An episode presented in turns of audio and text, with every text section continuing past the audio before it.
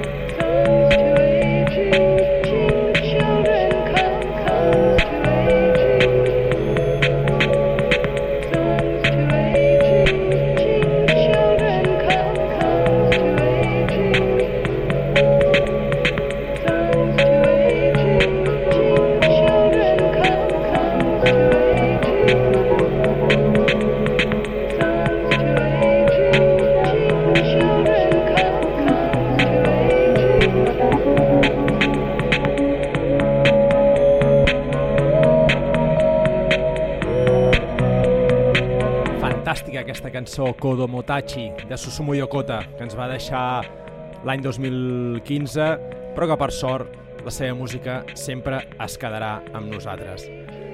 Seguim ara amb un rotllet més chill out i ho fem amb Max Graef, un productor berlinès de només 29 anys que el 2014 va treure un àlbum excel·lent de nom Rivers of the Red Planet i del que hem escollit la cançó Bush Senofner. Wow.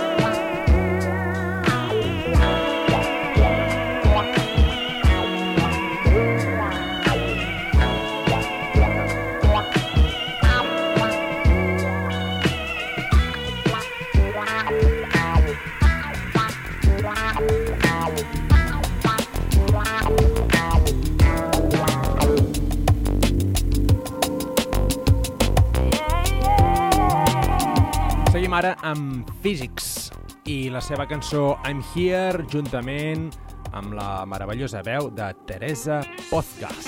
Baby, I know you believe it's true You never need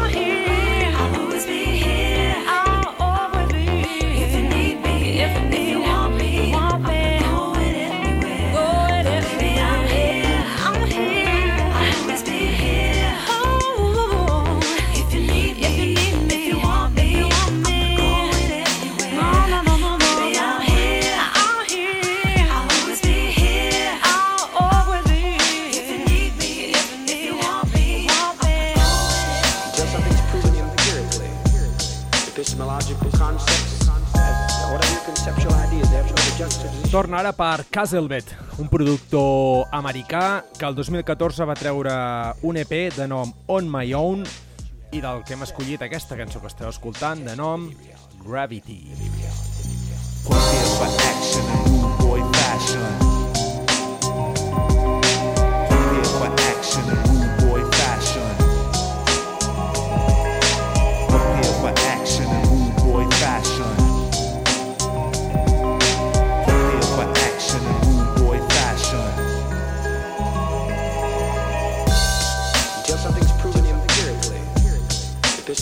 Epistemological concepts, uh, whatever your conceptual ideas, they have to make a juxtaposition with reality in some place, so that you know by empirical evidence that what you have said was reality is tested to be reality. To be reality. To be reality.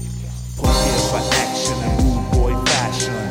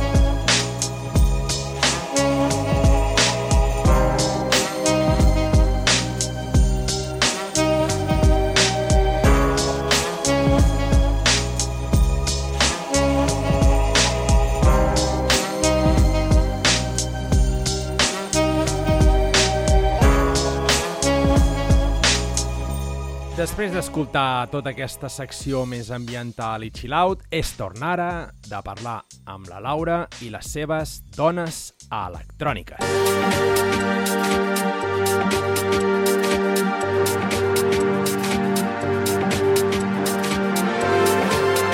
que com ja sabeu, cada setmana ens porta recomanacions brutals de produccions que hagin fet eh, dones. La d'aquesta setmana a mi especialment m'agrada moltíssim. Laura, de qui es tracta? Molt bona nit. Bona nit a tothom. Bona nit, Joel. Avui et porto un artista que crec que t'agradarà molt i que no podia faltar a la secció de dones electròniques. La reina de les reines a la pista de ball, l'extravagant i estupenda Roisin Murphy, Irlandesa de naixement i coneguda sobretot per ser la veu del grup Moloko, és un torbellino de dona. Compositora, productora, cantant, model, actriu...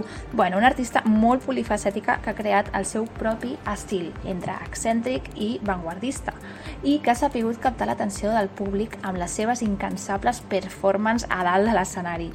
Una autèntica ment creativa influenciada per la música disco, el hot jazz, el pop i que no deixa a ningú indiferent.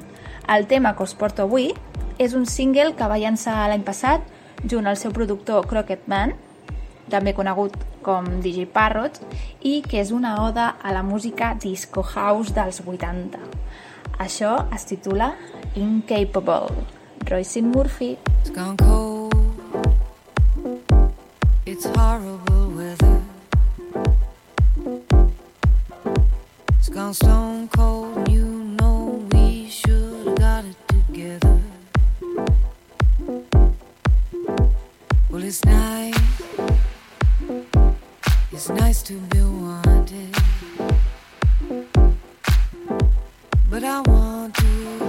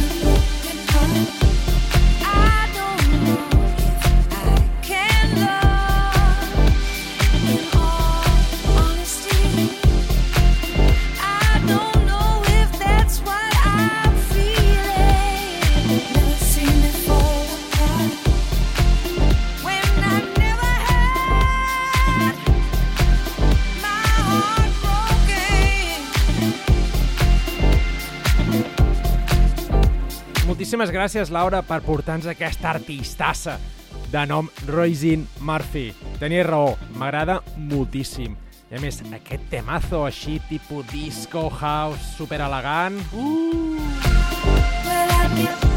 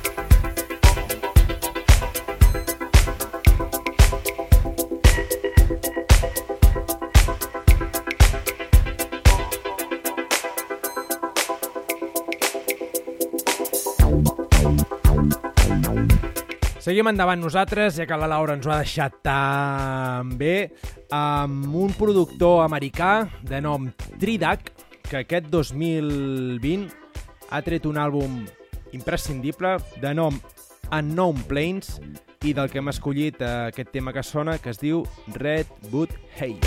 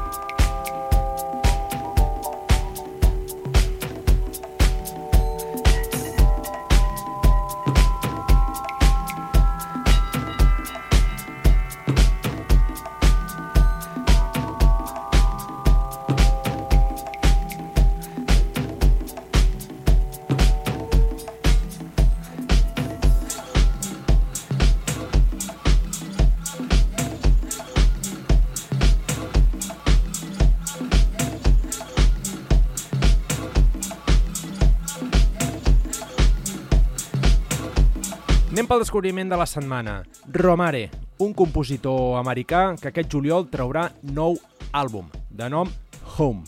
El tema que hem escollit es diu The River. Ja veureu, sons molt orgànics, molt tribals...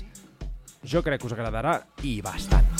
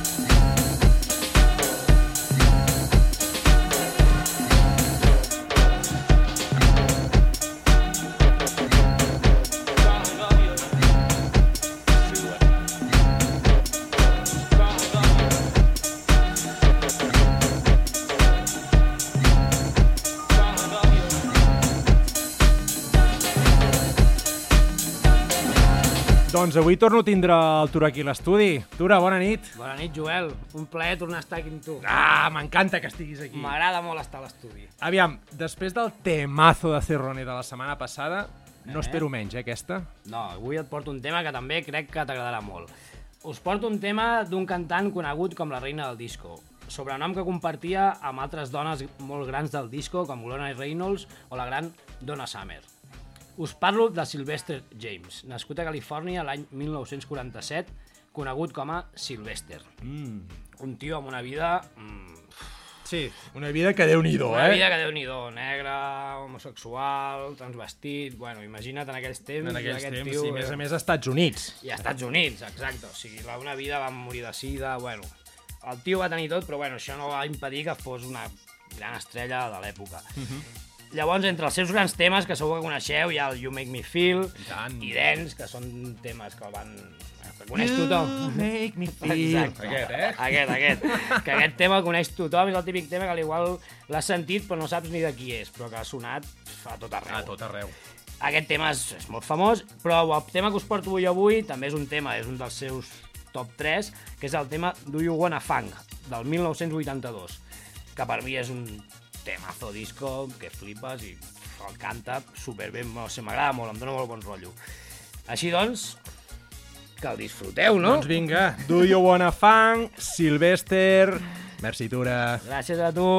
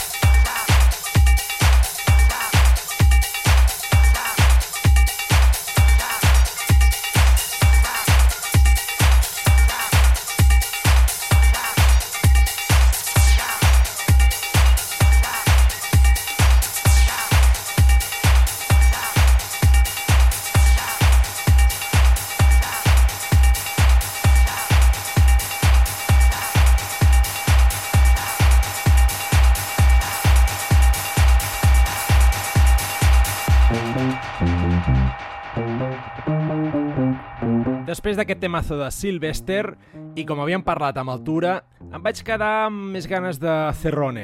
Per tant, aquest Je Suis Music, que és un temazo, a més aquesta versió de l'Arman Van Helden, farà que no pareu de ballar. Molt atents, perquè aquest és un temazo d'aquells que trenca les pistes de ball. We all feel the pain. Is it necessary when we feel the pain? Better stick together. Music is the way to relieve the pressure. Music on the way. Do you get the message? We all feel the pain. Is it necessary when we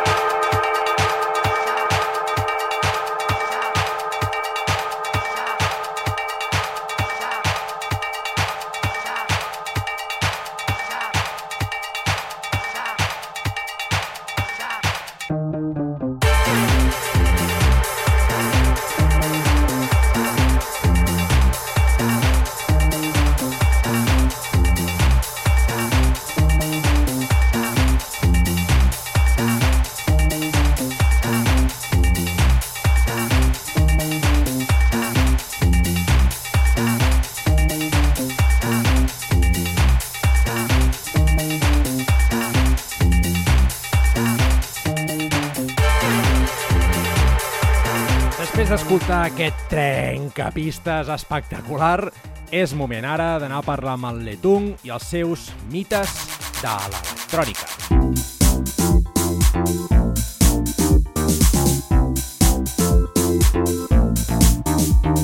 Que com ja sabeu, cada setmana en Letung ens porta històries d'aquells primers DJs que van fer molt per la música electrònica, que gràcies a ells ara mateix podem disfrutar d'aquesta escena de club que en diuen.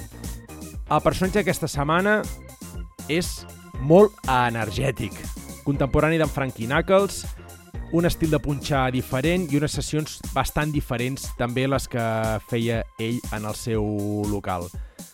Letung, de qui estem parlant? Molt bona nit. Molt bona nit, Joel. Salutacions a tots els companys de viatge electrònic i a tota la gent que ens escolta. Avui ens toca repassar la curta però intensa carrera d'un dels grans DJs que va veure néixer l'escena underground de Chicago i va contribuir enormement a la difusió i creació del house. Una persona que va elevar la feina del DJ a la cabina a estrats mai vistos fins aleshores. Un geni del mix, hàbil i precís agosarat, valent i descarat. Un gegant que era capaç de mantenir l'energia de la pista de ball en el seu pic durant hores. Parlem, ni més ni menys, que del grandiós Ron Hardy.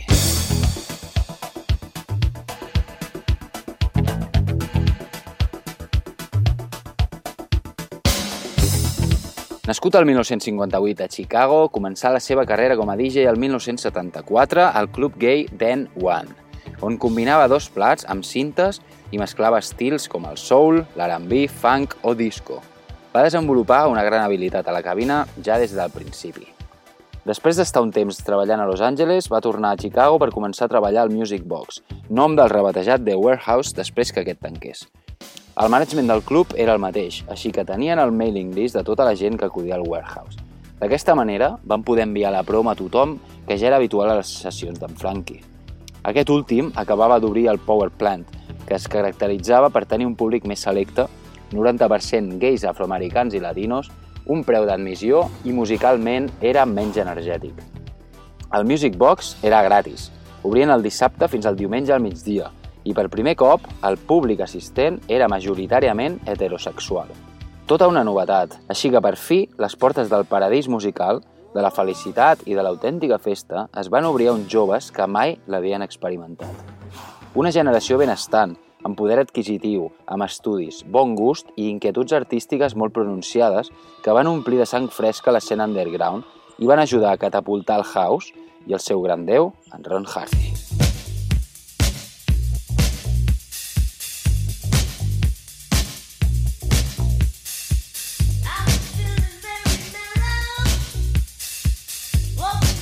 Ja des dels primers dies, en Ronnie va demostrar una habilitat inusual als plats. Era un geni del mix. Li encantava jugar amb les mescles i combinava els plats com molt pocs.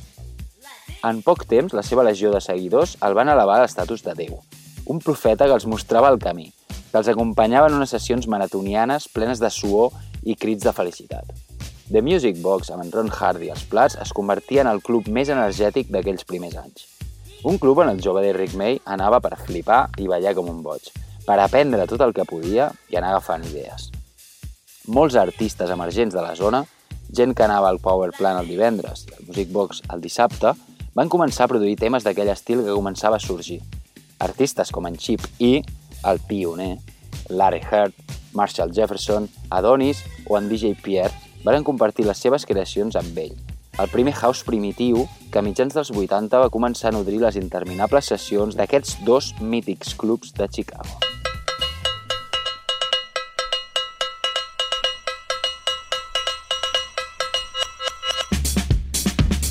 El primer tema d'Acid House de Future, la banda d'en DJ Pierre, va sonar al Music Box per primer cop. El primer cop que el van punxar, la pista es va buidar. Però durant aquella nit, en Ron va posar el tema Acid Track tantes vegades com va fer falta per acabar tornant a tothom boig amb aquell so estrany que venia de la TB303. Com a remixador, en Ron era especial. El mateix Chip E explica una anècdota d'un dia que van anar a l'estudi i l'enginyer de so, en veure que en Ron tenia una bosseta amb alguna cosa dins, li va dir si podia tastar. En Ronnie li va dir que no era el que ell es pensava, però no li va fer cas i pum, xot d'heroïna que el va deixar per terra tot zombi.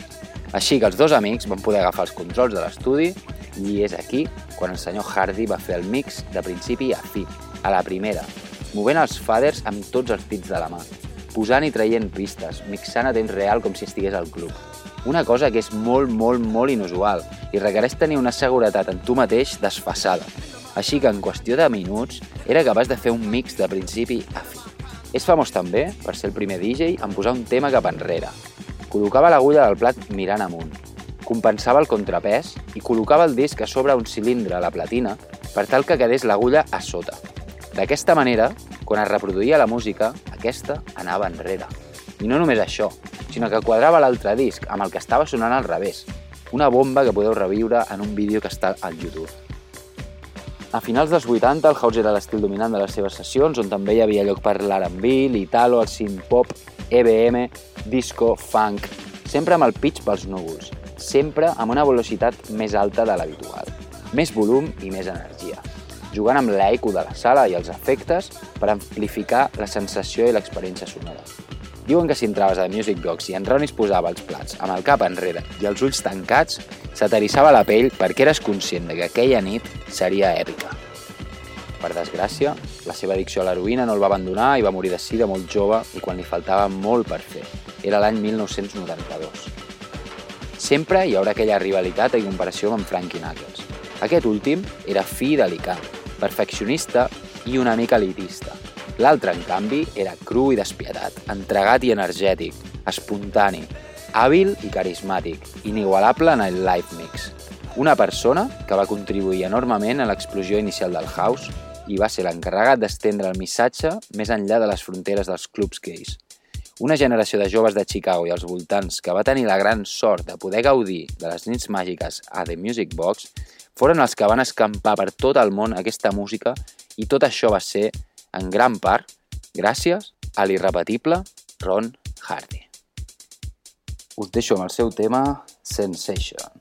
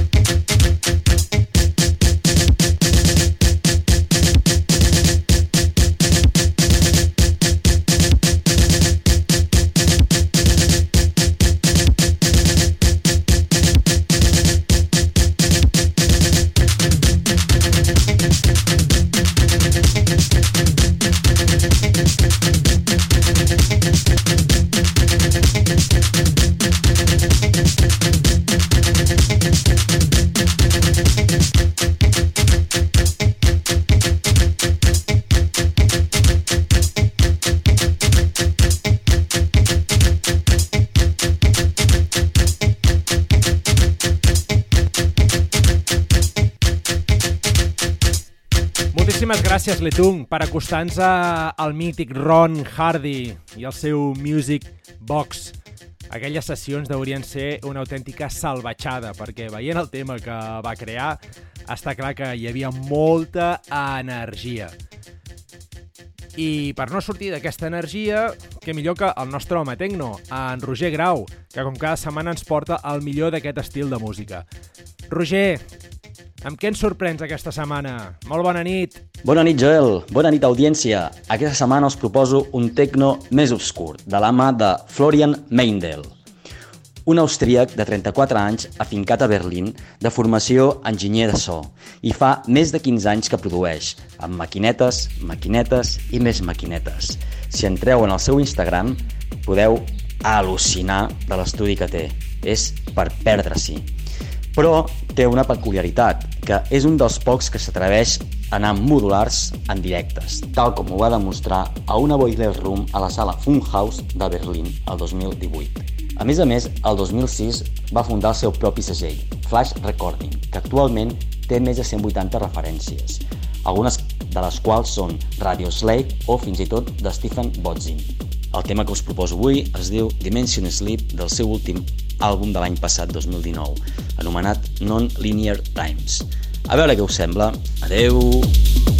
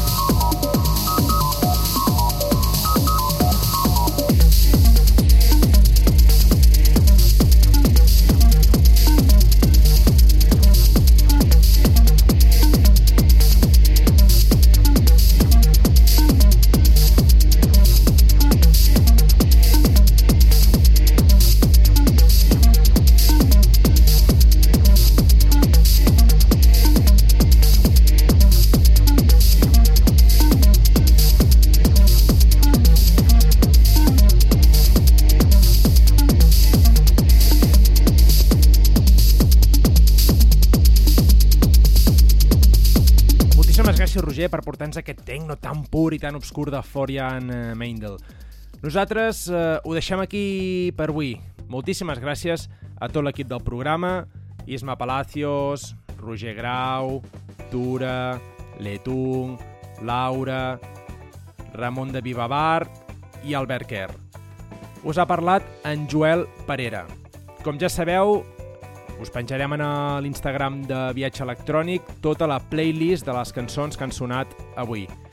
Així que res més, ens escoltem la setmana que ve.